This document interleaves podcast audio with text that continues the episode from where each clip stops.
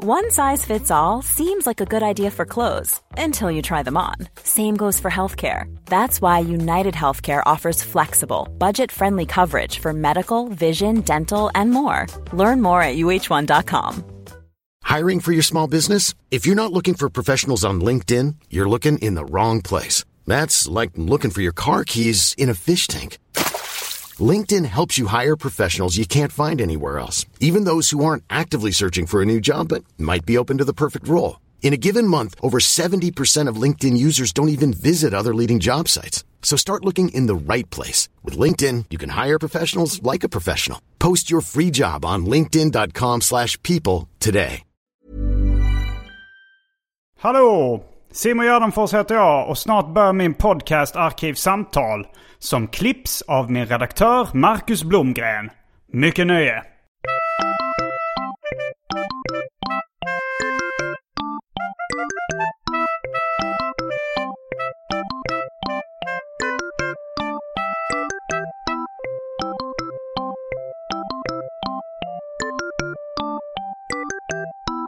Hej och välkomna till Arkivsamtal. Jag heter Simon Gärdenfors och mitt emot mig sitter Klara Kristiansen. Hallå, hallå.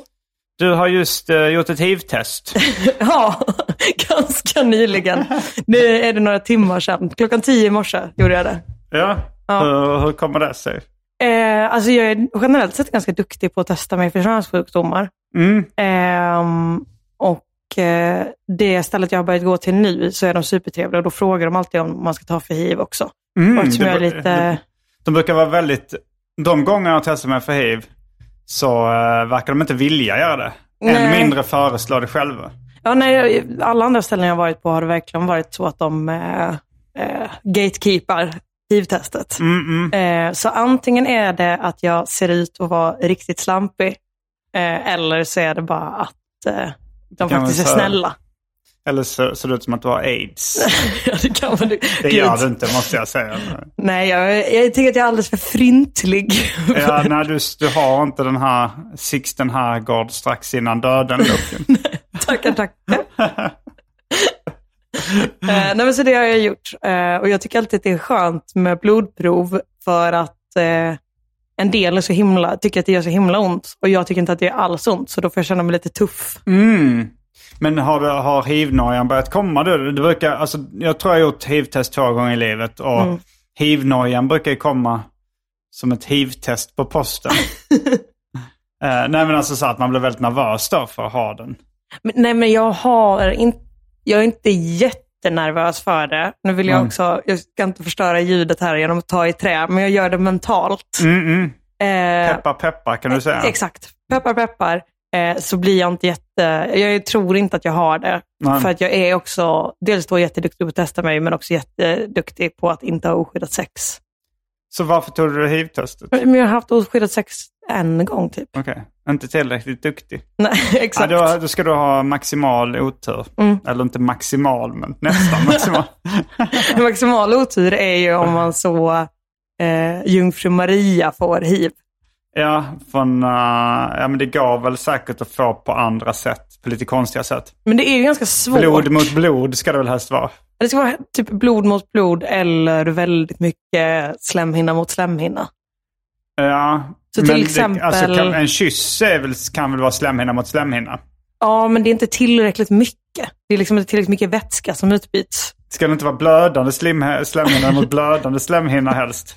Jo, allra mm. helst. Mm. Men jag tror, men till exempel så har jag läst mig till då att det är mycket lättare att få det eh, om man liksom, om man som, ja, men som man eller kvinna spelar ingen roll, men om man går ner på en vagina än om man liksom suger av någon. Det, ja, För att det är liksom mer slemhinna. Det är väldigt lite slemhinna okay, på en penis. så man kan få aids av att uh, slicka en kvinna? Alltså. Ja. Varför har inte jag blivit informerad? Vet du vad? Jag är feminist så jag tycker det är värt det. Du tycker det är värt det? Nej, är, jag... Men du riskerar ju mindre att få hiv som kvinna då. Ja, men det var min imitation av en feministkille. Jaha, jaha. Ja. mm, uh, idag, vi ska presentera dig först. Du mm. är komiker. Mm. Slampa. Nej, så säger vi inte. Jag är komiker, du brukar, du, brukar, du brukar ändå, du verkar vara rätt stolt över din slampighet. Du verkar vilja ta upp den väldigt ofta. Det är väl så. Det- Om det- jag säger det först. Ja, ja, ja, ja. Men är det någonting du... Alltså, så, det, det är ju en klassisk killgrej att vara stolt över sitt promiskuösa leverne. Ja. Men eh, i dagens eh, samhälle så spelar det ju... Då kan ju även tjejer vara det. Ja. Men eh, alltså det är klart, jag är inte jättestolt över det. men, men vadå, det är väl kul att, eh, att man är high in demand. Ja, ja absolut. Alltså, eh, jag, som kille, det är mer, mindre tabu då att vara lösaktig. Ja. Och de perioderna i mitt liv som jag har varit lösaktig så har jag varit jättestolt över det. Mm. Och eh, skrutit om det så fort jag får tillfälle. Ja. Men jag tänker också, för vi har pratat Även när jag innan. inte haft tillfälle. Vi har pratat om innan också att så här, eh, eh, jag gillar att vara lite flippig. Mm, och då är det väl också bara så, ja men jag gör saker på impuls. Nej, Eh, det jag absolut. Um, träffade den här snubben eller jag tog den här tequila-shotten. mm. Eller, eh, Är du singel nu förresten? ja, Mm. Jag fick fram att du var i ett förhållande, men jag kanske hade... nej. Det kanske går snabbt i hockey. Nej, jag har inte varit i ett förhållande sedan jag gjorde slut med Jonathan Tengvall. Ah, Okej, I men du kanske hade någon som var på gång? Att det var... Ja. ehm, du kanske var exklusiv? Nej, det var vi inte. Det är vi inte. Därav hiv-testet. Ja, exakt. Okej, ja. Ehm, vi, idag så ska vi prata om fåfänga. Mm. Eh, jag vet inte om det, det kanske finns vissa beröringspunkter. Det här att vara i in demand, som du Ja. uttryckte dig nyss. Det har ju viss, eh, vissa beröringspunkter med fåfänga. Jag tror att för mig har det jätte, jättemycket beröringspunkter. Att Mm. det kommer från exakt samma grej som är det svaga traumat. Att man vill ha sex. Ja, nej. nej, det är väl den här, det hälsosamma sättet att man är så, jag vill ha sex, därför måste jag vara snygg. Mitt är mer så, jag var eh, väldigt, väldigt ful som barn och eh, var alltid väldigt ledsen över det. Och sen Mm. nu när jag inte är väldigt, väldigt ful längre, Som barn. så är det viktigt att vara liksom åtrådd. Det är Ja, liksom ett ja, bevis på att jag inte är äcklig och ful. Fast jag tror även folk som var söta som bebisar eh, kan vara väldigt, väldigt fåfänga. Ja, alltså nu- bebis var jag nog helt okej. Det, var inte- det var mer så eh, 8 till 15. 8 till 15 var du ful. Ja, som stryk. För- vill du visa bilder? För dig nu så att du kan i arkivsamtal reagera. efter snackgruppen. Åh gud. Vill du göra det? Eh, ja, det kan jag göra. Eller tycker du det är pinsamt? Nej, jag tycker inte det är så pinsamt. För att alltså... eh, Men jag är mer stolt över att jag har tagit mig därifrån. Ja, ja. Men det kan vara som en sån här uh, arbetarklassbakgrund. Att vissa säger jag kommer från hårda förhållanden och nu är jag här. Exakt. Jag Started from började med de här två händerna. Och nu har jag lite längre naglar och tjusigt nagellack. Kolla vad tjusigt. Nej, det har jag inte. Längre naglar, men inte... Um, inte tjusigt nagellack. Nej, Av vanligt nagellack. jag har inget nagellack alls. Eh, nej, men... ehm, för jag, jag skäms... Jag personligen skäms mer över fåfänga än uh, lösaktighet. Mm. Och det är nog något av en uh, könsrollsfälla. Ska jag Ja, gissa på. För att det är mer tabu för en kille att vara fåfäng än att vara lösaktig. absolut. Eh, medan det är tvärtom för tjejer. Men jag tror att det är ganska, alltså det är klart att det är mer för snubbar, men jag tycker nog ändå att det är lite tabu att vara fåfäng som tjej också. Till att en viss gräns kanske. Alltså det, det är ju inte... Alltså du ska vara snygg, men du ska inte vara fåfäng. Nej, men alltså så här. eh, det, en tjej erkänner väl betydligt oftare att de tänker på vikten än en kille erkänner. Mm. En tjej erkänner oftare att de sminkar sig och det kan vara mer uppenbart att de sminkar sig. Ja. Eh, och, och sådär. Ja, exakt. Men det är fortfarande fint att liksom inte sminka sig så mycket eller liksom Att bara vara snygg, naturligt inte- smal. Jo. Exakt. Men, men det, är väl, det är väl som det här att det är högre status att eh, få ett bra resultat på provet utan att ha pluggat. Att du Ja, ska bara gud, vara ja. smart, att du ska inte ha kämpat för det. Liksom. Ja, men exakt. Eh, så, så, så är det det här ansträngningslösa är ju ofta coolare Mm. Än eh, när man har ver- verkligen kämpat. Men jag, jag kan ju... Alltså jag kan ju respektera hårt arbete, absolut. Det har jag ingenting emot. Alltså tvärtom, alltså jag kan tycka det är rätt respektingivande också. Ja visst, jag eh, lägger ändå, jag grindar ändå med det här utseendet. Mm. Eh, jag lägger tid, jag lägger tanke, jag lägger ansträngning. Men lägger du pengar? Ja, det Mm. gör jag. Ehm, procentuellt väldigt mycket liksom av min inkomst. Mm, vad är det som är dyrast? Eh, oh, vad är dyrast? Eh, smink... Nej, men kläder är nog det som liksom är dyrast. Eh, smink är också väldigt dyrt, men man behöver inte köpa nytt så ofta. Man, Det behöver man ju såklart Nej, inte med kläder, kläder heller, men jag tycker ju kläder om... känns också som att det, alltså, att det kanske inte bara fåfänga utan också ett litet intresse. Mm, men det är smink också. Ja, jo men på, men på det sättet liksom att man, man eh, jag vet inte, det, det finns ju såklart en del som vill vara fin inför sig själv och en del som vill vara fin inför andra. Och eh, det är ju, ja men om jag tänker på så att jag samlar på fina grejer. Ja. Då är det ju mest för min egen skull. Alltså det är mycket mer än när jag liksom fixar med mitt eget utseende. Så är det ju, alltså så här, om jag samlar på plastfigurer och godisförpackningar. Det är för att jag tycker de är fina. Sen kanske en liten del i det är att det är så här, lite kul att visa upp det. Så här, Titta vad fin, fin samling jag har här. Men det är mest för min egen skull. Och, eh, och- och det, det är väl en kliché att säga så här, jag, är, jag, jag sminkar mig bara för min egen skull. Eller så här, Och så är det ju hånat då. Men det ligger nog en sanning, lite sanning i det att man gör det delvis lite för sin egen skull också. Att man tycker det är lite kul. Och, ja, för min del tror jag nästan att jag sminkar mig mer för min egen skull än vad jag eh, liksom väljer kläder för min egen skull. mm, Eh, för att alltså, vissa kläder köper jag väldigt tydligt för min egen skull. Till exempel när jag köpte en väst som ser ut som ett lapptäcke. det låter så mycket för din egen skull. Min eh, kompis sa att jag aldrig någonsin får ha den framför en man, för då kommer jag aldrig få ligga igen. eh, men jag tycker den är fräck. Men liksom, jag har ju vissa sådana kläder, men oftast när jag är bland folk så är jag nog klädd på ett mer, ska man säga det, manstillvänt sätt. Liksom. Mm, mm. Medan- Tänker du på det medvetet då? Nu ska jag klä mig manstillvänt. Ah, Ja, no, jo lite kanske. Alltså, jag tror ändå att det finns en viss skillnad i hur jag klär mig till exempel när jag ska gigga eller ska på dejt jämfört med hur jag klär mig om jag ska på en tjejkväll. Mm, ja, ja, ja. Ehm, eller tjejkväll kanske man ofta klär sig i, mjukisbyxor. Men alltså så, om jag ska ut och äta middag med tjejkompisar. Typ. Just det. Nu har det blivit dags för det omåttligt populära inslaget Välj drycken. Fy fan vad nice.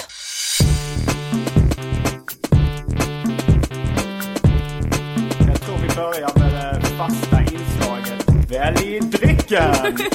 Och här kommer alternativen. Uh, Chimay, en väldigt, väldigt stark öl. Imperial Stout, också en väldigt stark öl. Corona 3,2. Whisky, rom, vodka, Malibu. Prosecco, konjak, Amarula Cream, Grand Marnier, gin, Fanta Zero. Häxblandningen, det vill säga alla drycker som fanns i min kyl innan ni genomgick en så kallad corporate rebranding. Och för tråkmåns och nejsägare, vatten. Ja, eh, jag tänker att jag går all in på liksom brudigheten och kör prosecco. Ja, jag kände att jag körde lite subliminal perception när jag uttalade prosecco. Jag tryckte på lite extra på det ordet. Men då tar jag också ett glas eh, prosecco. Och så eh, är vi strax tillbaks med dryckerna kända från det omåttligt populära inslaget Välj drycken. Häng med!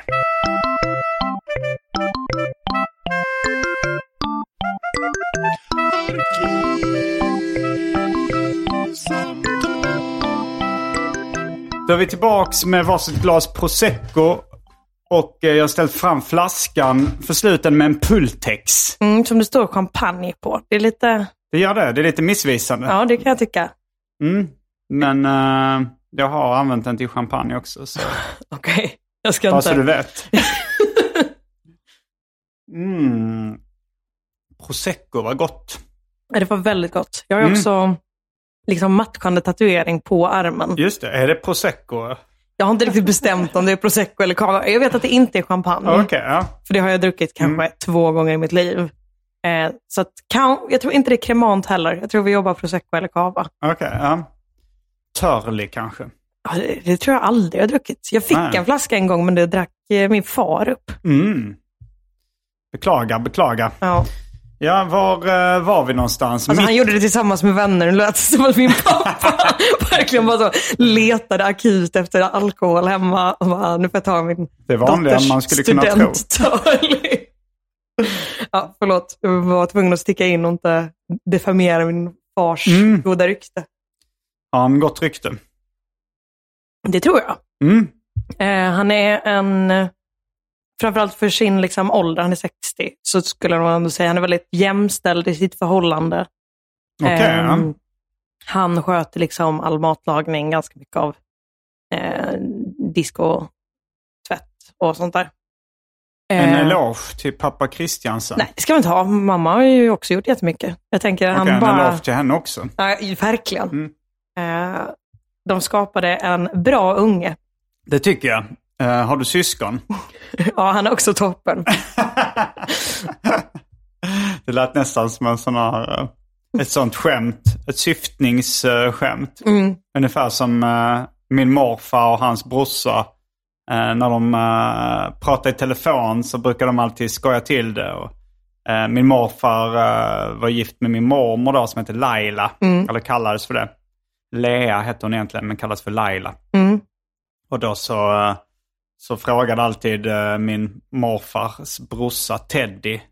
Och hur är det med Laila då? Då sa han. eh, Jo men det är klart det är bra. Det, hon är ju så bra gift. Och så sa Teddy. Har, hon- har hon gift om sig? En liten fräckis. Det ska väl innehålla något sexuellt. Fast i och för Ja, sig, för det, ett äktenskap kan ju innehålla sex i vissa fall. Ja. Mm. Det är fortfarande så mitt... Du vet sådana skämt som alltid är återkommande som man ändå tycker är lite roliga fast man vet att de är väldigt hack. Ja. När någon i en tv-serie är så, och hur är det med flygan? Har han skilt sig ännu? Mm. Ja, det har hon. Att det alltid är så, just det ja, hon, ni har ju skilt er. Jag hängde inte riktigt med. Alltså är det, är det en vanlig trop i tv-serier? Att folk frågar hur är det med frugan? Har hon skilt sig ännu? Ja. Och så säger de ja det har de och så blir det lite dålig stämning. Ja, exakt. Alltså, det är ju bättre poäng att säga, alltså, har hon skilt sig ännu? Has she divorced you yet? Um, Och sen är det så att den andra kanske ser lite ledsen ut eller fäller en tår. det tror jag ändå jag har sett i ganska många tv-serier. jag har faktiskt aldrig sett det men eh, det, jag, jag, jag gillade det. Ja. Jag kommer uppskatta det om jag ser det. Du kanske kan ha med dig mina problem. ja, vi får se. Eh, jag tyckte det roligaste sånt skämtet var eh, i Superbad där de här poliserna snackar. Och så säger han, han, han nämner någonting om my ex-wife who was a whore. och så här, she actually was. I caught her doing tricks in an alley. Att hon var prostituerad. Ja, det är väldigt roligt. Eh, Mm. Var var vi någonstans? Uh, du, uh, fåfänga pratade vi om. Och eh, ja, du skäms du över att du är fåfäng? Tycker du det är pinsamt? Nej, alltså på ett sätt gör jag ju det. Ehm, och framför allt ehm, tror jag att jag är rädd för att, eh, alltså det blir något dubbelt i att jag är rädd för att vara ful men att folk ändå vet att jag är fåfäng. Ja, för det, alltså det, jag kan tänka mig att det är det som är lite, eh, ja men det som är det pinsamma med fåfängan. Mm. Att så här, att om man till exempel då använder shapewear. Mm. Eh, att det är lite pinsamt för då tänker man, tänk hur ful jag hade varit utan det här. Ja, men Eller- också eller- du vet den liksom, tanten som vi alla har träffat någon gång som har liksom skrikblå ögonskugga Men, och kanske alldeles för ifyllda bryn. mm, Eh, och då vet man så, oj hon tror att hon är fin. mm, Eh, men egentligen så, nu tycker jag att det finns någonting fint med de tanterna med blå ögonskugga. Men Ja. du förstår ändå bilden av så här, eh, man har satt smink på en gris och det är fortfarande en gris. jo. Och det, det är väl också en del i det som kanske anses som vara lite fusk. Mm. Ja men så här silikonpattar eller... Det skulle jag vilja ha. Det skulle vi ha. Ja. Men du- där är jag också lite så att jag är lite rädd för vad folk skulle tycka om att jag hade skaffat Jo, silikonpattar. ja, men så är det ju för att det är väl... Jag har ju hårpluggar. Ja. Och det är ju lite så här, jag tycker det är pinsamt lite att prata om för det är så här, jag, tänk, jag tänker att folk ska liksom se det som silikonpattar ungefär. Att det är så här, för man, man går inte fram... Fan vad sexigt! det är så, habba, habba! jo, det ska du säga till dina tjejkompisar bakom min rygg. Men, inget, det. men, men det, det blir olämpligt om du går fram till mig och säger det. Ja, det kan jag Alltså, hålla med om. ja. nej, men det, det är jag vet inte hur det är tjejer emellan. Pratar man, alltså om, om du då träffar en tjej som eh, har uh, silikon, eller är det, det är väl inte silikon man använder längre? Nej, jag har ingen aning. Framförallt så är det väl inte så Koksalt. vanligt.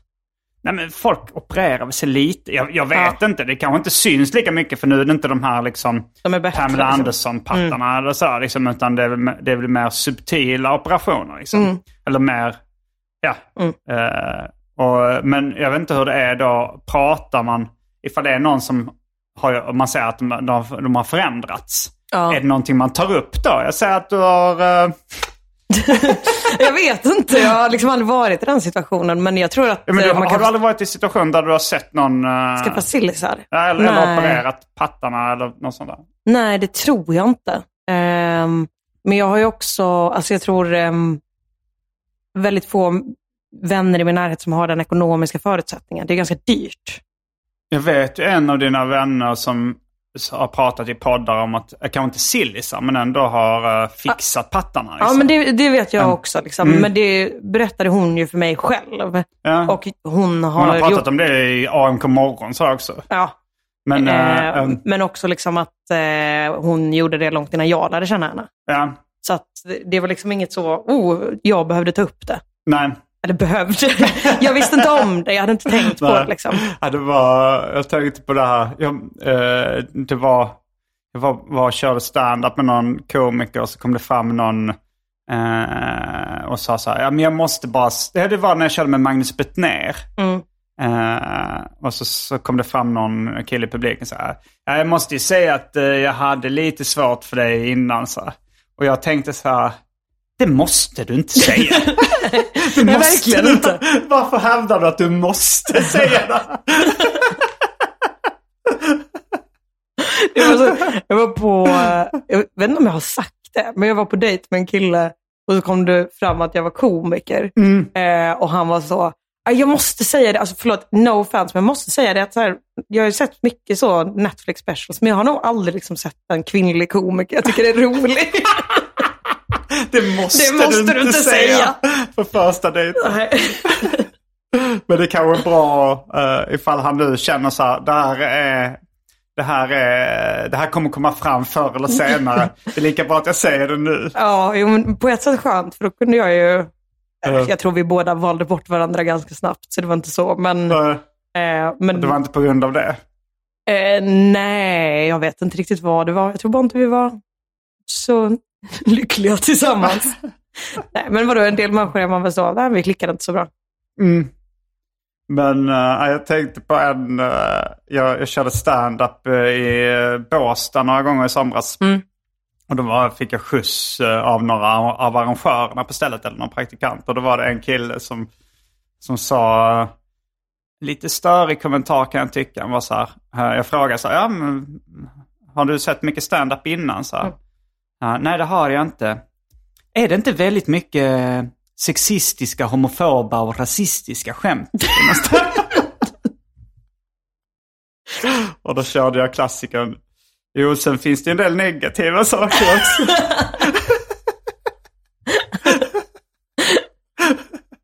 Också ett jättekul skämt. Ja, det är, som det är en bara så- trop. Ja, Eller en klassiker.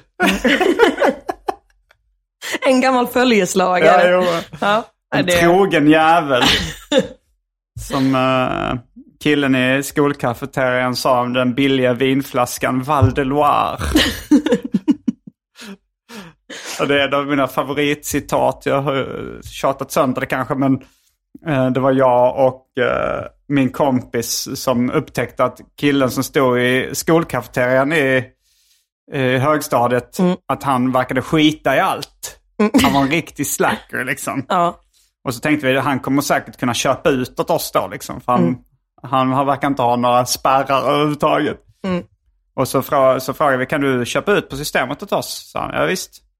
Och så, "Eh, vad vill ni ha? Så kollade vi i systemet-katalogen. Och så hittade vi liksom den billigaste vinflaskan, den billigaste flaskan vitt vin som heter Val de Loire. Då sa vi, ja men två flaskor Val de Loire. Då sa han, Val de Loire, det är en trogen jävel.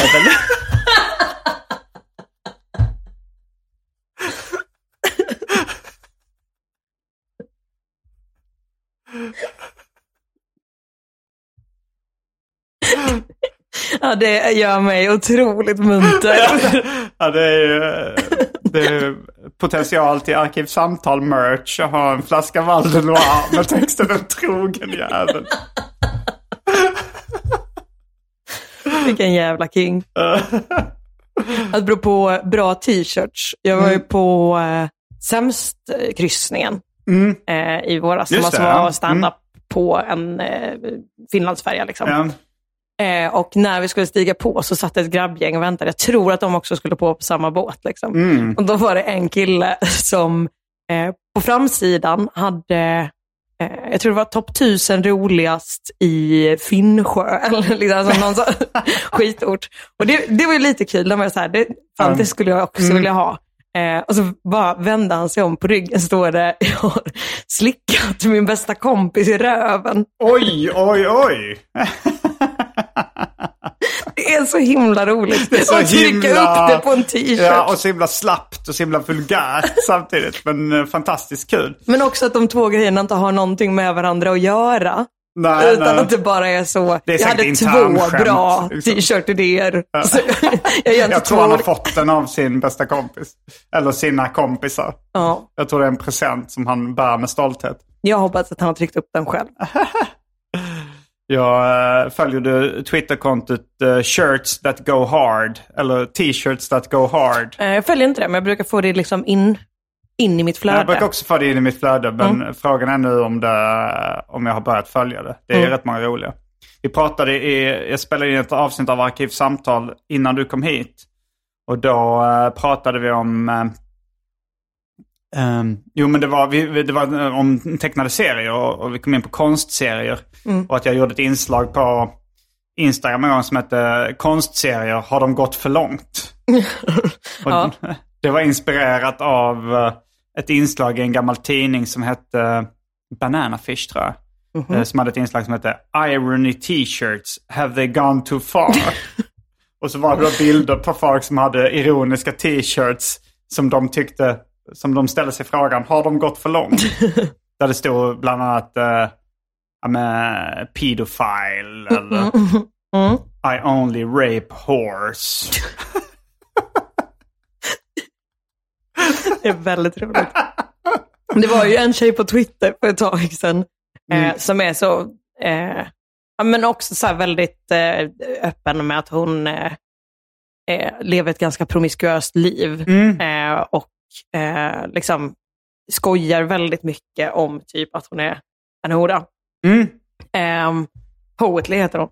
Eh, Poetly, ja, som poetry. tror det. Jag vet inte riktigt var det kommer ifrån. Men eh, så hade hon någon gång helt okommenterat bara skrivit man kan inte våldta en hora.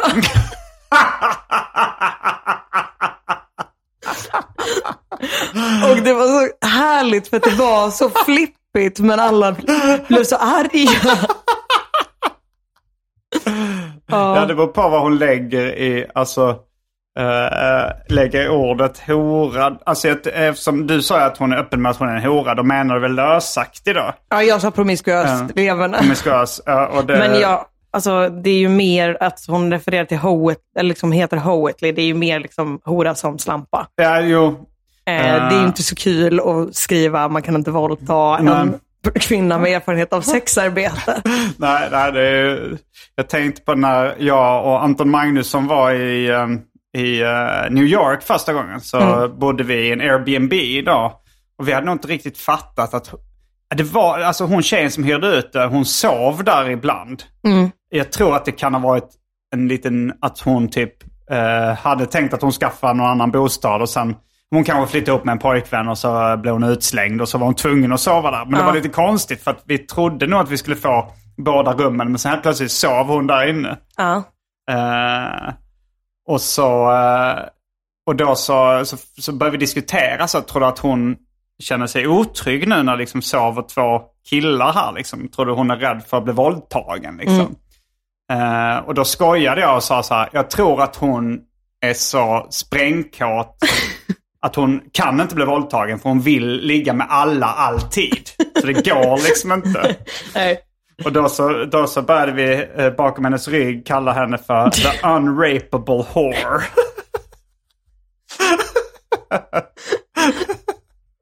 Ja, jag Och tror sen- på den teorin. Du tror det är sanning. Och Ja. sen, eh, sen så, hon hade en katt också. Och det, Jag är så spänd på vart det här är på väg. Ja men det var...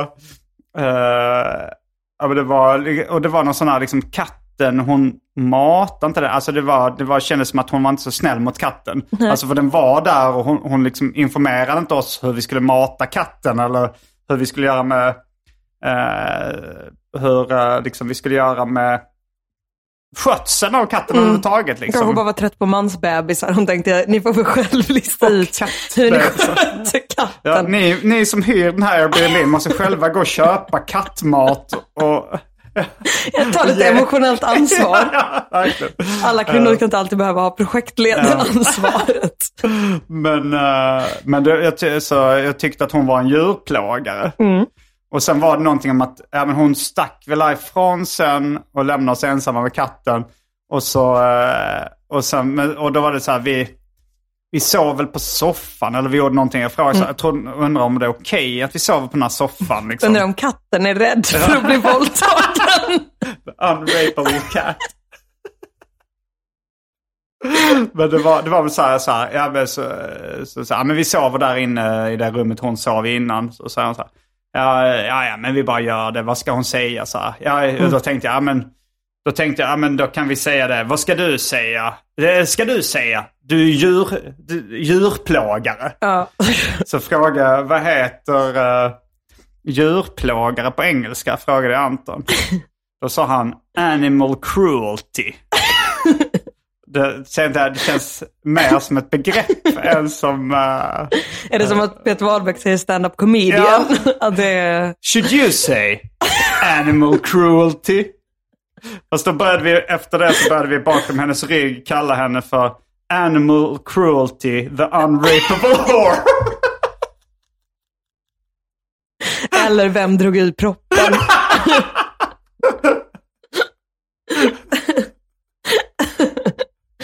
det är... Jewelry isn't a gift you give just once. It's a way to remind your loved one of a beautiful moment every time they see it. Blue Nile can help you find the gift that says how you feel and says it beautifully with expert guidance and a wide assortment of jewelry of the highest quality at the best price. Go to BlueNile.com and experience the convenience of shopping Blue Nile, the original online jeweler since 1999. That's BlueNile.com to find the perfect jewelry gift for any occasion. BlueNile.com. Hiring for your small business? If you're not looking for professionals on LinkedIn, you're looking in the wrong place. That's like looking for your car keys in a fish tank.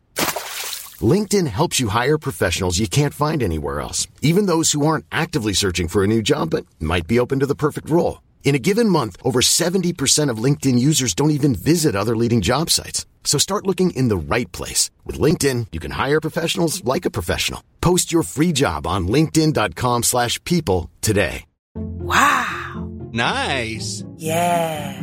What you're hearing are the sounds of people everywhere putting on Bombas socks, underwear, and t-shirts made from absurdly soft materials that feel like plush clouds. Yeah, that plush. And the best part? For every item you purchase, Bombas donates another to someone facing homelessness. Bombas. Big comfort for everyone. Go to bombas.com slash ACAST and use code ACAST for 20% off your first purchase. That's bombas.com slash ACAST. Code ACAST.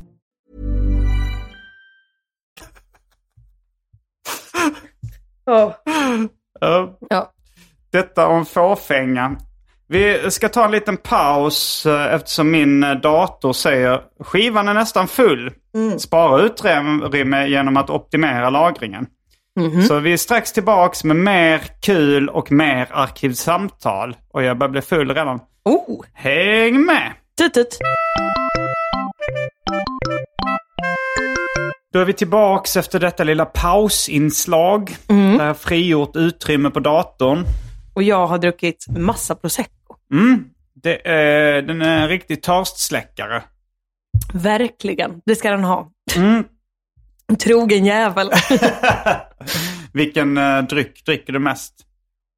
eh, jag tror, alltså en vanlig öl på fat tror jag är nog ändå vanligast. Mm. Ja. Kanske en Falcon är vanligast. Du, uh, ja, ljus lager. Jag trodde du skulle med en ton säga Du- ljus tillvaro. ljus framtid. ja, ja det tror jag att jag har. Jag tror att jag kommer att ha det toppen framtiden. Ja, men det tror jag också. Vad har du för situation just nu? Just nu eh, bor jag i kollektiv. Mm. Eh, Med eh, andra komiker eller?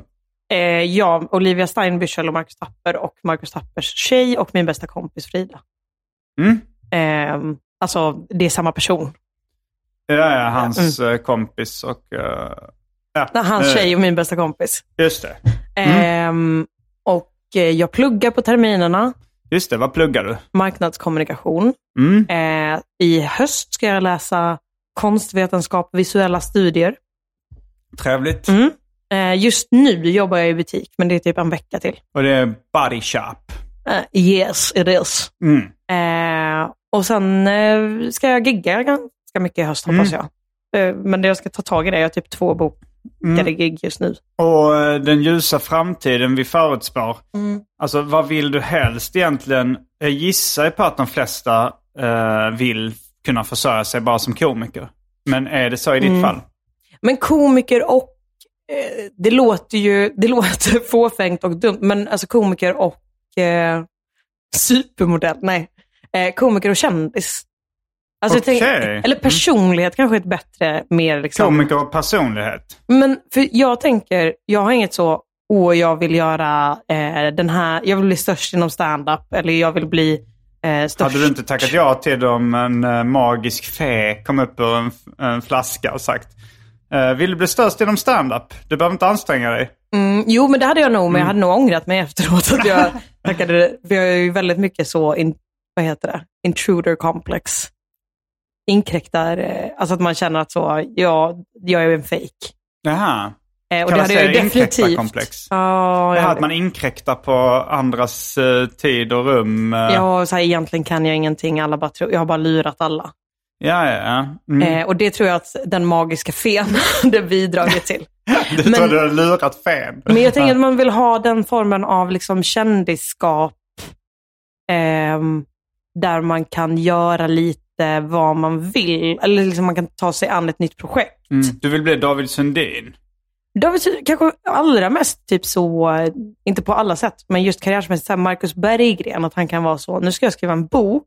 Mm. Nu fattar jag att han kämpar också jättemycket, men liksom, han kan ändå vara så, nu vill jag göra den här grejen. Och så Mm. finns det ändå en ganska stabil skara som är med på det, eller liksom Ja. taggade på det. Eller så här, jag får erbjudanden att välja mellan och då kan David jag Sundin välja det har som ju är också roligt. gjort böcker, måste jag bara tillägga. Men. Ja, det är sant. Ja, men David Sundin och, men det är kanske att Marcus Berggren känns lite flippigare, så jag kan relatera Mm. mer till honom. Ja. Ehm, men lite den så, eh, behöver inte vara älskad av alla, men jag vill vara älskad av många. Och Mm. typ kanske känna att så jag har en skara följare som typ förstår lite min grej och är med på den och tycker att den är kul. Mm. Och då kan jag liksom testa nya former att uttrycka det. Och det känns roligare än typ att så, nu ska jag bli absolut bäst på det här eller liksom ha ett specifikt mål att jag ska eh, släppa en stand-up special på Netflix. Liksom. Mm. Jag tänker på uh, rapparen uh, Little Dap från Group Home. Eh, när du sa det här att man inte är älskad av alla. Men han beskrev sin uh, fanskara Loved by kids, hated by chicks. Kanon.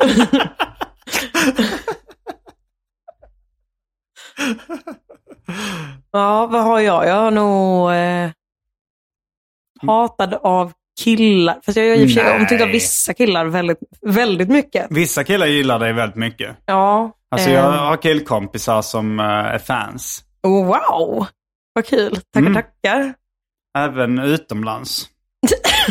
Nämen, är en utomrikes. kille i Norge. Ja.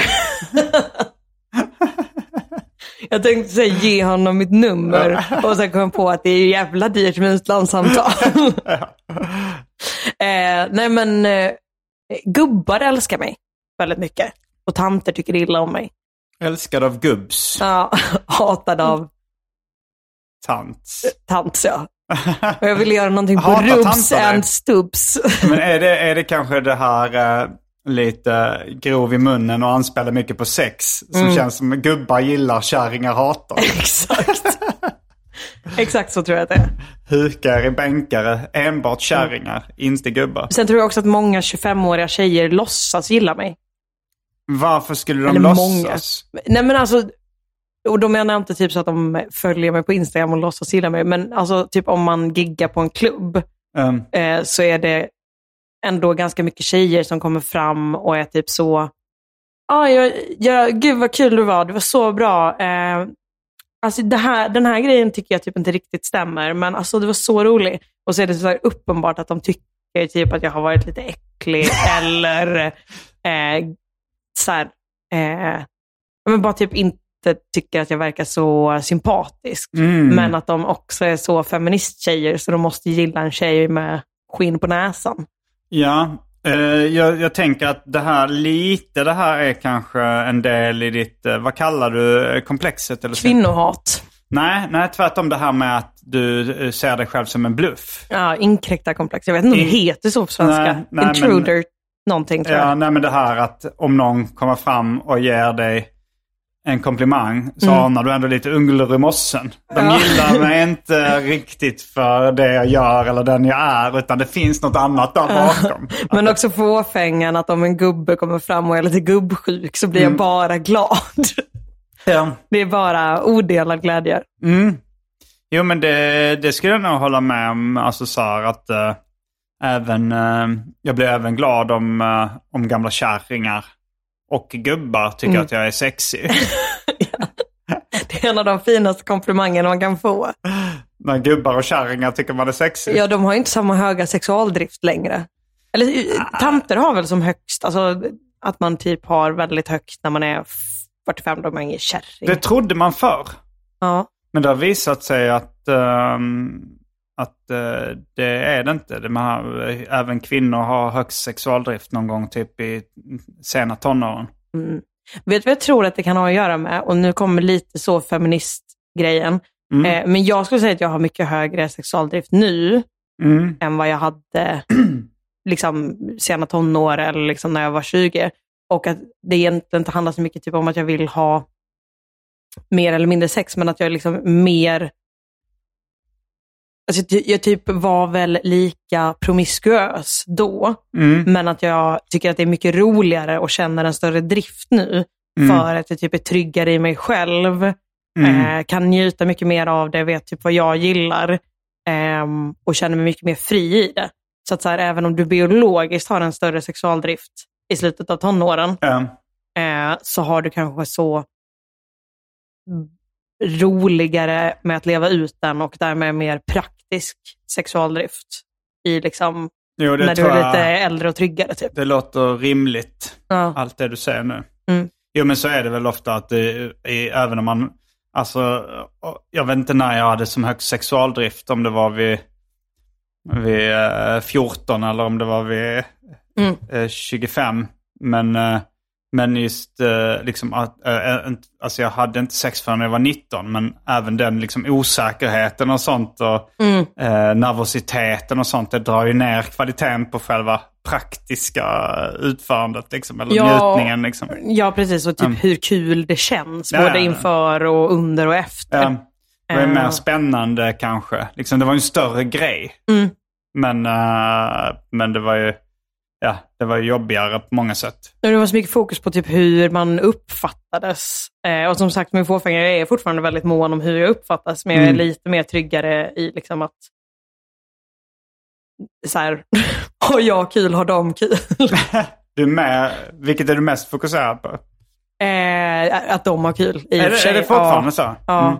Det är kanske snarare, har de kul, har jag kul. Ja, ja, ja. Eh, jag har ju länge brandat mig som Sveriges mest generösa älskare.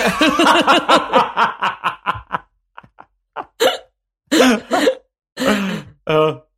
Jag har Eh. också fått intyg på detta från, alltså inte från, lite från älskare, men framförallt från mina vänner när jag har beskrivit. Mm, ja, men då har du vinklat storyn antagligen till din fördel, skulle jag gissa på. Ja, men Kanske, men en del är väl ren fakta. Okej, ren samhällsinformation. Exakt. Ja. Nej, men det finns ju en stand-up-kliché som är eh, det, det viktigaste är inte du, utan det viktigaste är hur publiken Mm. har det. Mm. Eh, ja, det kan man väl, eh, fast samtidigt så är det väl att man, man själv mår ju bra ifall publiken skrattar. Mm. Men sen är det väl också så att alltså de komikerna som, som kör väldigt så här billiga publikfriande skämt som funkar på en viss stand-up okunnig publik. Mm. De kommer ju sällan jättelångt. Nej, jag tror att det är viktigt ändå att hitta någon slags glädje i det för att typ Mm. Och, alltså nu kommer det också låta som typ ett innuendo för att jag, vi precis har pratat om Men så, sex. det låter som ett... Innuendo, Det vet jag det inte heter vad det det på är. svenska. Det heter innuendo på engelska. Vad är det för någonting? Alltså typ att det, det låter som att det är liksom en anspelning på Mm, sex mm, eller typ så här, mm. att man egentligen menar sex. Ehm, men jag tror att det gäller det mesta man gör i livet, att så här, det blir så himla mycket bättre om man tycker att det är kul själv och typ så ehm, kan... Eh, ja, men jag tror att generellt sett, eh, om man tycker att någonting är kul, Mm. Så är man också mycket mer benägen att typ testa nya grejer och därmed eh, lära sig nytt. Mm. Det funkar också på språkinlärning på barn. Eh, rent liksom så forskningsmässigt. Att barn som typ lär sig leka med språket och eh, tycker att det är liksom typ till exempel att skämta. Att det också ökar på språkinlärningen. Så att jag tror att man blir bättre på grejer om man tycker det är kul. Mm. Eh, och du pratar om sex. Och språkinlärning för barn. De två grejerna. Ja, jo, men det, det känns eh, som en uh, självklarhet nästan. Mm. Att eh, man lättare lära om man tycker det är kul. Och samtidigt, med, med också med humor så är det ju... Alltså, det, du kan ju inte, om du inte själv tycker att, om, om du ska skriva ett manus till en tv-serie och sånt. Mm. Du, kan- du, jag tror inte det, du kan skriva någonting som andra tycker är kul som inte du själv tycker är kul. Nej, det tror inte jag heller. Ehm, och jag tror, ja, alltså jag menar också så här, det är klart att du ska tycka att det är kul att köra standup. För Alltså, Mm. Om du tycker att det är tråkigt att bara köra så här mekaniskt för att dra in pengar. Typ. Ja. Det tror jag liksom, typ inte du kommer lyckas med. Men jag, det jag lägger i begreppet ha kul är nog också typ att leka lite och typ så testa sig fram. Mm. Ehm, inte vara rädd för att misslyckas. Ehm, och den typen av så lekande formen kring inlärning. Mm. Eller inlärning, övning, att bli bättre på grejer. Eh, det tror jag är väldigt, väldigt viktigt. Att så här, det, för att till exempel skriva en rolig tv-serie så tror jag också att du måste vara okej med att så här, oj, nu, det här skämtet är väldigt dumt. Mm. Jag vet typ inte ens om det kommer hålla, men jag tycker att det är kul, vi testar det. Eller så här, Ja. Ehm, att vara perfektionist tror jag eh, minskar chansen för kul. Det tror jag också. Det, nu, nu kommer vi kanske lite bort från ämnet. Men, eh, Som var skit- fåfänga. Som var fåfänga. Men, eh, ja, men, men jag är alltid intresserad av att prata om humor och kreativitet. Så, Mm. eh, ja, men, det, men, men, ja, men just det så slits jag lite mellan det här. Hur mycket ska man liksom... Ifall det är ett skämt jag tycker är roligt. Mm, Men som publiken uppenbarligen inte tycker är kul. mm, Eftersom de aldrig skrattar åt det. mm. hur mycket sånt material ska jag lägga in i mina... Alltså jag klarar inte av att lägga in sånt i stand-up som bara jag tycker är kul men inte publiken tycker är kul. Men jag klarar av att lägga in det i skämtteckningar eller uh, YouTube-serier eller något sånt där. Mm. För att då slipper jag se reaktionen. Exakt. Sen tycker jag, nu har du hållit på längre än vad jag har. Du har ändå hållit på ett tag nu. Hur Ja. länge har du hållit på med humor? Eh, ja, men sex år. Mm. Eh, och jag skulle säga att kanske tre av... Alltså nu, jag har fortfarande hållit på sex år. Det är inte som att jag ursäktar. Men eh, jag kanske skulle säga att tre av dem har varit liksom aktiva, aktiva. Mm, Eh, för sen har liksom typ två år, två och ett halvt år typ gått till corona. Och Mm. att jag har jobbat svinmycket. Okej, ja. Eh, och typ tackat nej till jätte, eller jättemycket gig. Men liksom ändå inte kunnat gigga typ. Mm. Ehm, men det jag upplever är att så här, vissa grejer som funkade okej eller inte funkade alls, som jag bara har skrotat. Mm. Och sen nu så typ så kan jag komma på eller hitta någon gammal anteckning i telefonen och vara så här, just det, det här skämtet. Mm. Och så är det som att jag, har utvecklat så pass mycket sedan dess. Så antingen kan jag köra samma skämt med bara lite annan betoning. Ehm, Eller så kan jag skriva det lite roligare, stryka de tråkiga delarna. Ehm, eller bara så här, är lite tryggare på scen och då blir det roligare. typ. Ehm, till exempel upplever jag att så här, jag kanske på ett sätt har många skämt som är lika grova nu som jag hade när jag började. Mm. Men det är mycket mer sällan jag får höra usch, nej. Eh, för att jag liksom vet mycket mer hur jag ska hantera det och det är ingenting som jag har kanske jobbat aktivt på utan det har kommit av typ scenvana och leka fram det och testa gränser. Mm. Kanske också att eh, när du började med stand-up så var publiken så här uh, gubbar och kärringar som gillade Adde Malmberg som Mm. gick på mack liksom. Och eh, nu så är det mer en poddpublik som är van vid den typen av humor och gillar Mm. den typen av humor med grova skämt och så vidare. Världen är äntligen redo för mig. ja, nej, men det finns nog mycket blandning, men att så här, eh, kunna typ lägga en del grejer på hyllan eller så här, testa dem i olika format. Att så här, det här funkar inte på stand-up, men i stand-up, men det kanske funkar på Twitter. Eller Mm, så här, mm. det här funkar inte eh, på Twitter, men det kanske funkar i podd. Alltså så här, eller det här är den absolut bästa one-liner att dra på dejt. Mm. Eh. Har du några sådana, brukar du dra one-liners på dejt? Nej, då är det nog mer roliga anekdoter. Att man har liksom sin repertoar av så här, de här grejerna är bra och typ harmless. Jag vill gärna höra en, eh, en anekdot du brukar dra i dejtsammanhang. om Mm, det, ja, oh, det är svårt Okej, att det kan säga. vara synd att bränna. Det är som att bränna standardmaterial. För jag kommer dejta så många av dina lyssnare. Nej, eh, eller ja, det är väl inte helt omöjligt. Mm. Alltså, du, jag, du, jag gissar på att folk som du dejtar ibland har hört det i AMK morgon. Ja, gud ja. Och jag gissar att Eller många... gud, nu lät det som att jag verkligen går igenom AMK-lyssnarna Ja. en efter en. Ja, men... eh, Och jag gissar på att många som lyssnar på AMK även lyssnar på Arkivsamtal. Mm. Så det är verkligen ingen, ingen omöjlighet här. Nej. Men- Nej, men jag vet faktiskt inte om jag har någon som är... Det har jag garanterat, men jag tänker Mm. nog sällan på dem innan jag liksom väl sitter där och bara, fan den här har jag ju kört många en gång innan. Ja. Ehm, jag tror att ehm, eh, när John Gillberg vaknar upp i min säng var den senaste anekdoten, för den drog jag på en dejt häromdagen och den vet jag att jag har dragit några gånger innan. Den vill jag gärna höra. Eh, ja, men det, det är att eh, John Gillberg, komiker, bodde med oss innan. Mm.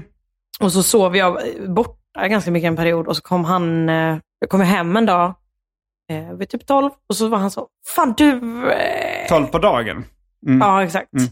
Fan, jag, jag vaknade i din säng i morse. alltså, ursäkta. bara, bara, jag, vet att jag gick och la mig i min säng och sen vaknade jag på morgonen och bara hade panik för att jag inte kände igen mig överhuvudtaget. För det är så här, vårt, mitt rum är väldigt litet. Mm. John har typ inte varit inne, han har väl tittat in Bor någon han gång. kvar i ert kollektiv? Nej, han har flyttat. Mm. Eh, men han har liksom tittat in i det, han har aldrig sett det inifrån. Mm. Ehm, och kollar man in så är det bara typ en säng. Kollar man från sängen så är det väldigt Mm. mycket porslinsdjur och sånt, sån obehaglig inredning också. Broderier och porslinsdjur och sånt. Ditt rum? Ja. Ja. Eh, men han bara, "Ja, nej, jag hade ingen aning om var jag var. Och sen öppnade jag dörren och bara, nej, min lägenhet. Eh, och det var ju lite så obehagligt. Eh, att han hade varit där inne och sovit. Och sen så kom Han hade hem. gått i sömnen eller? Exakt. Och så kom jag hem en annan dag och att han igen var så, fan, sov du hemma i natt? För jag vaknade i min säng, men jag har ett minne av att jag har varit inne på ditt rum. så det visade sig att han började, började så, gå i sömnen till mitt rum. Oj, ja. Så då började jag låsa dörren till mitt rum. För att jag, Mm. alltså det finns ju ingenting läskigare än att en två meter lång kille bara står över en säng. Nej, Eller försöker krypa ner i den. Säg det till Animal Cruelty, the unrapeable whore. Just det, att jag direkt bara så, oj nu rann det till. Oj, oj, oj, saven. Ja. Mm, jag måste kolla, jag glömde att kolla hur lång tid vi hade spelat in på den första delen innan jag rensade. Nu har vi 20 minuter här och eh, vi är strax tillbaks efter en liten titt på tiden. En titt på tiden. En titt på samtiden. Häng med! Väldigt dålig eh, slogan för Arkivsamtal. Arkivsamtal, en titt på samtiden. Jag och min kompis hade det som internskämt att det alltid var så, eh, så fort någon nämnde någonting som hade hänt, alltså en dag tillbaka i tiden. Och så, Hallå, välkomna till minnenas television. Det fanns ett program som hette ja, exakt. Jag hade aldrig sett det, men hon hävdade att de pratade så. Så jag bara tog den imitationen. Då är vi strax tillbaks efter en liten titt på samtiden. Häng med! Då är vi tillbaks efter detta lilla, lilla pausinslag. Eh, Jag är uppenbarligen aspackad eftersom jag inte kan Fullare uttala. än någonsin. Kanske fullare än vad jag någonsin har varit i hela mitt liv. Vad är det fullaste du har varit? Uh, alltså det måste vara tidigt i min superkarriär. Alltså du vet när man hade väldigt låg tolerans. Jag kommer ihåg liksom att jag på kulturnatten i Lund eh, bara står och spyr mot en vägg.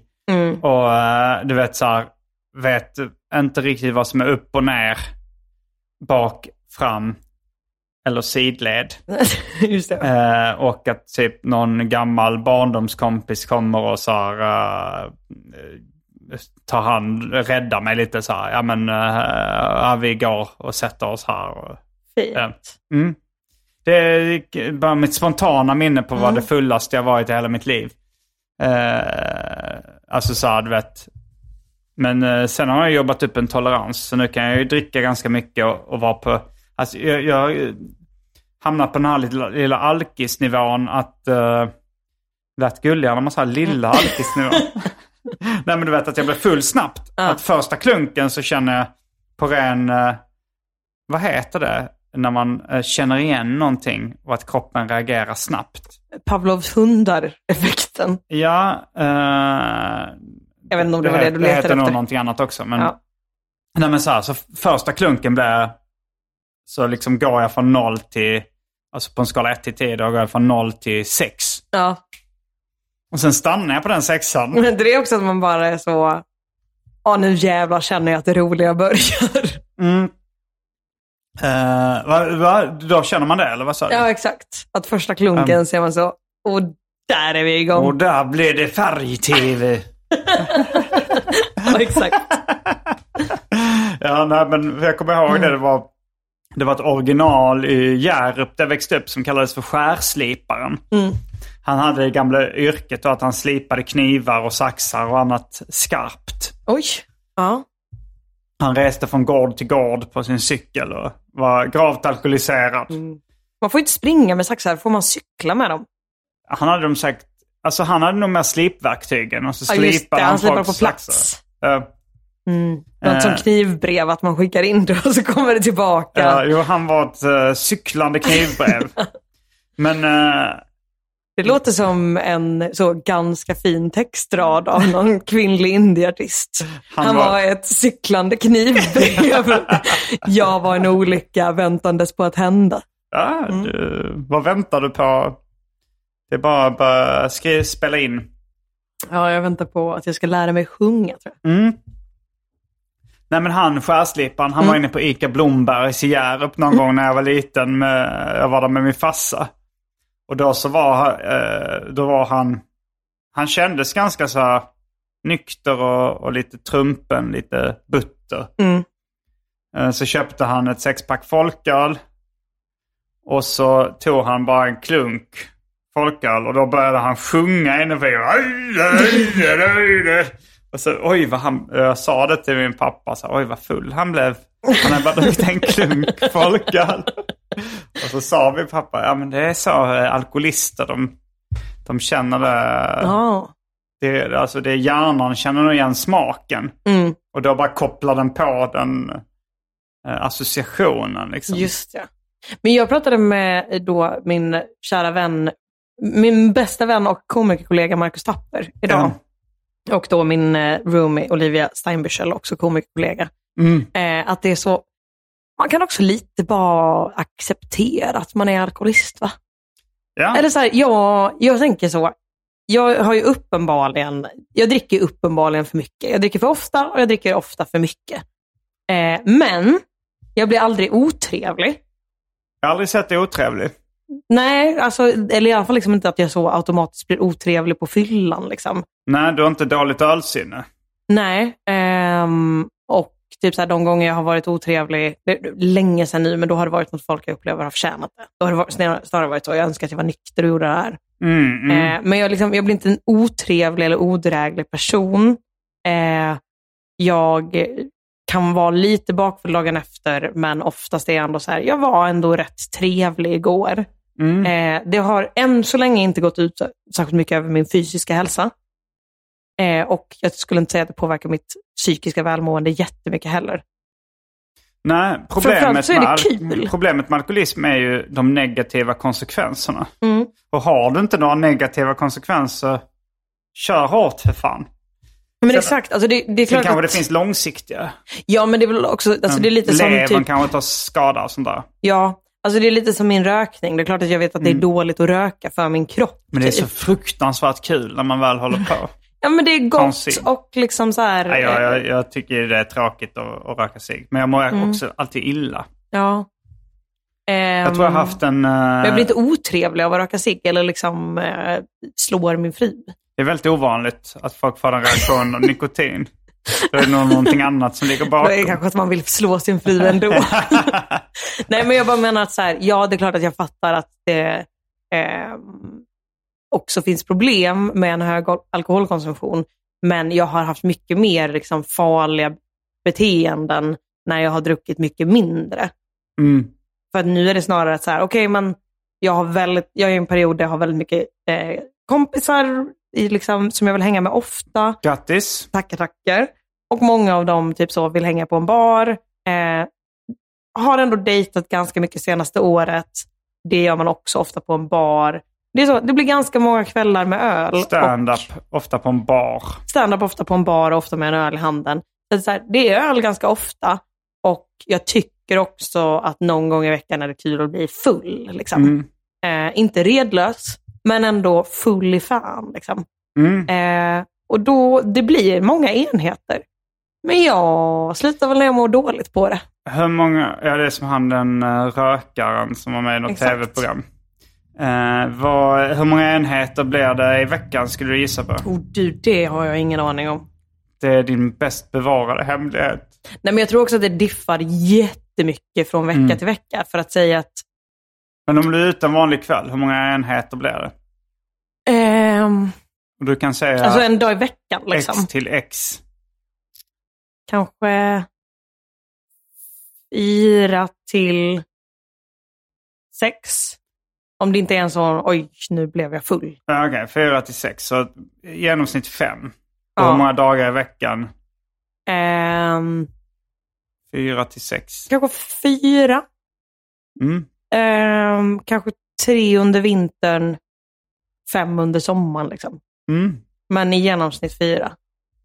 Så 20 enheter i veckan då. Mm. Det är ju absolut över. Jag tror gränsen för riskbeteende hos kvinnor är typ nio.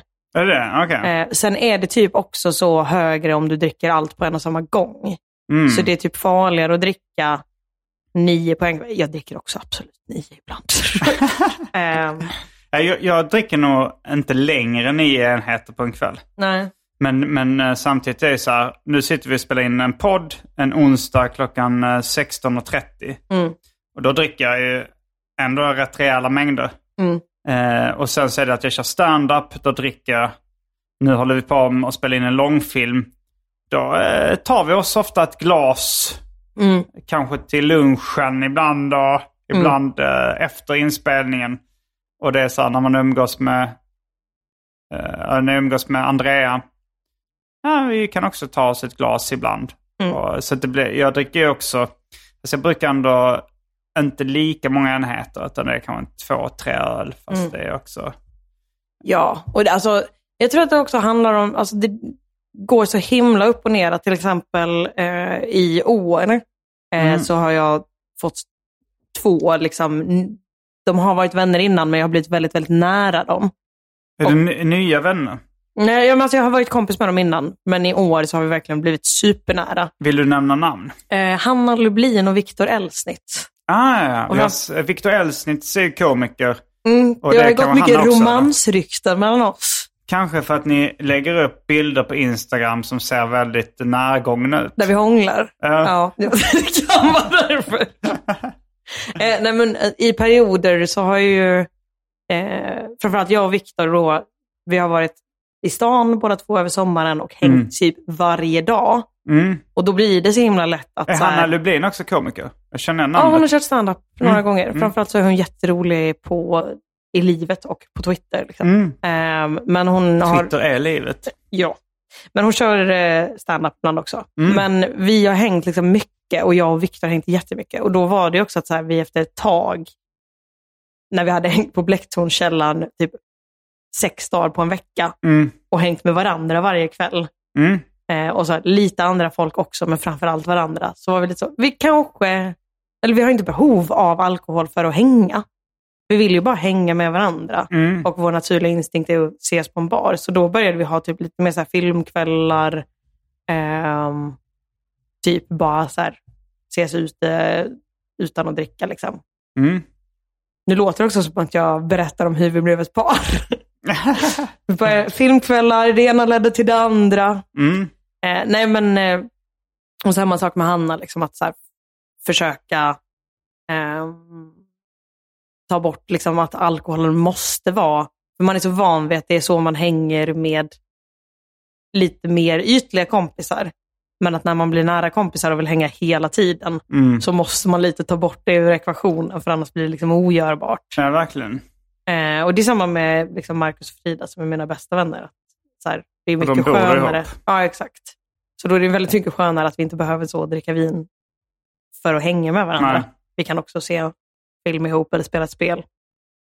Mm. Och det är min alkoholism. det är din solskenshistoria. Mm. Den ljusa tillvaron med den ljusa framtiden. Nej, men jag, mår, jag mår genuint toppen. Jag har Ja, typ aldrig varit så här bara- lycklig i mitt liv. Har du inte det? Nej, alltså jag har nog generellt sett mått ganska bra de senaste åren. Men jag är verkligen så, inte peak life, att så här just exakt den här sekunden har Det vet jag... man aldrig. Det kan alltid bli bättre. Ja men exakt, men alltså, jag tror att så här, de senaste åren har det nästan, liksom, med un, några få undantag, men liksom bara Mm. blivit bättre och bättre. Och framförallt liksom den genoms, det genomsnittliga måendet. Mm. Att jag är så trivs med mig själv. Ja, det är ju härligt. Jag tänkte på det i morse. Eh, morgonen ofta, det, alltså så här, när jag har gått upp och varit vaken kanske en timme, då är lite min prime. Mm. Eh, och, men, men jag tänkte på det, alltså det är ju så att eh, alltså när man, när man håller på med underhållning och kultur och sånt så är det ju det är ju inte alltid jättekul att höra om någon som mår bra eller är lycklig. Nej. Men jag kände i morse, alltså kanske två timmar efter jag hade gått upp, så kände jag bara, jag är så fruktansvärt lycklig. Men alltså, det gör mig jätteglad. Jag blir så glad av att höra det Simon. ja. Eh, Jag tycker att vi behöver prata mer om hur bra vi mår. Normalisera att må bra. Eh, nej men jag tror att det verkligen är så, uh, man hakar lätt upp sig på sin ångest och det är så här, alla ska ha ångest. Men också så, jag är jätte, alltså utifrån så tror jag att det verkar som att jag mår do, ganska dåligt i perioder. Ja, det, det, är nog, det är nog för att alltså, folk tror att det här, den här glada ytan är bara en fasad. Ja, alltså dels Fast tydligen det. så är det, alltså jag tror ju på vad du säger, så jag tror att okej, okay, det är inte bara en yta utan det är ett, en, eh, en sund själ i en sund kropp. Ja. Nej, inte sund, men lycklig yta. och Lycklig kropp är Lycklig bara ett sätt att kalla någon tjock. lyckligt inre. Du ser ut att ha en lycklig kropp. det låter väldigt uh, Ja. fat-shamande. Men, eh, nej, men jag tror också att så här, jag har en tendens att lägga ut mycket mer i ångestiga perioder för att jag tycker att det är ganska kul också. Det är inte Jo. så kul att vara så, jag mår toppen. Men däremot att lägga ut att jag så eh, har en period där jag tre gånger om dagen skriver till mina kompisar så. Visst hatar ni inte mig? Oj, ja, det låter Eh, ångestladdat. Ja, det låter ångestladdat men det är också lite kul att så bara Mm. dela med sig av att så, kolla vilken svag liten eh, skrutt jag Ja, är. just det. Eh, vi kommer att prata mer om det i den Patreon-exklusiva delen av Arkivsamtal. Det här var allt från det ordinarie avsnittet. Varje vecka så släpper jag ett bonusavsnitt av den här podden exklusivt för er som donerar en valfri summa per avsnitt på patreon.com arkivsamtal. Patreon.com arkivsamtal alltså. Det finns redan över 40 exklusiva avsnitt som du får tillgång till. Så det är mycket kul för valfri slant. Vill du bara vara schysst och säga tack för åratal av underhållning så kan du även swisha en slant på 0760 72 47 28. All denna info finns även i avsnittsbeskrivningen. Och glöm inte att följa mig på Instagram och andra sociala medier. Där bjuds det på gratis skämt och mycket annat. Jag heter Simon Gärdenfors. Jag heter Clara Kristiansen. Fullbordat samtal!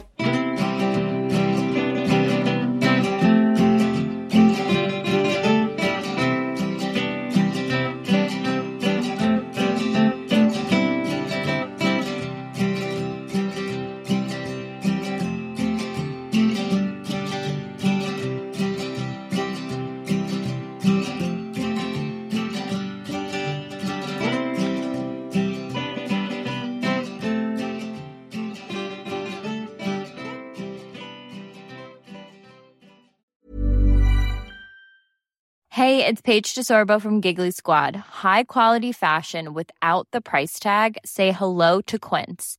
I'm snagging high-end essentials like cozy cashmere sweaters, sleek leather jackets, fine jewelry, and so much more. With Quince being 50 to 80% less than similar brands. And they partner with factories that prioritize safe, ethical, and responsible manufacturing. I love that. Luxury quality within reach. Go to quince.com slash style to get free shipping and 365 day returns on your next order. Quince.com slash style. When you make decisions for your company, you look for the no brainers. And if you have a lot of mailing to do, stamps.com is the ultimate no brainer. It streamlines your processes to make your business more efficient, which makes you less busy. Mail checks, invoices, legal documents, and everything you need to keep your business running with stamps.com. Seamlessly connect with every major marketplace and shopping cart. Schedule package pickups and see your cheapest and fastest shipping options from different carriers with rates up to 89% off USPS and UPS rates. And with the stamps.com mobile app, you can take care of mailing and shipping wherever you are. Make the same no-brainer decision as over 1 million other businesses with stamps.com. Sign up with code program for a 4-week trial plus free postage and a free digital scale. No long-term commitments or contracts. That's stamps.com. Code program.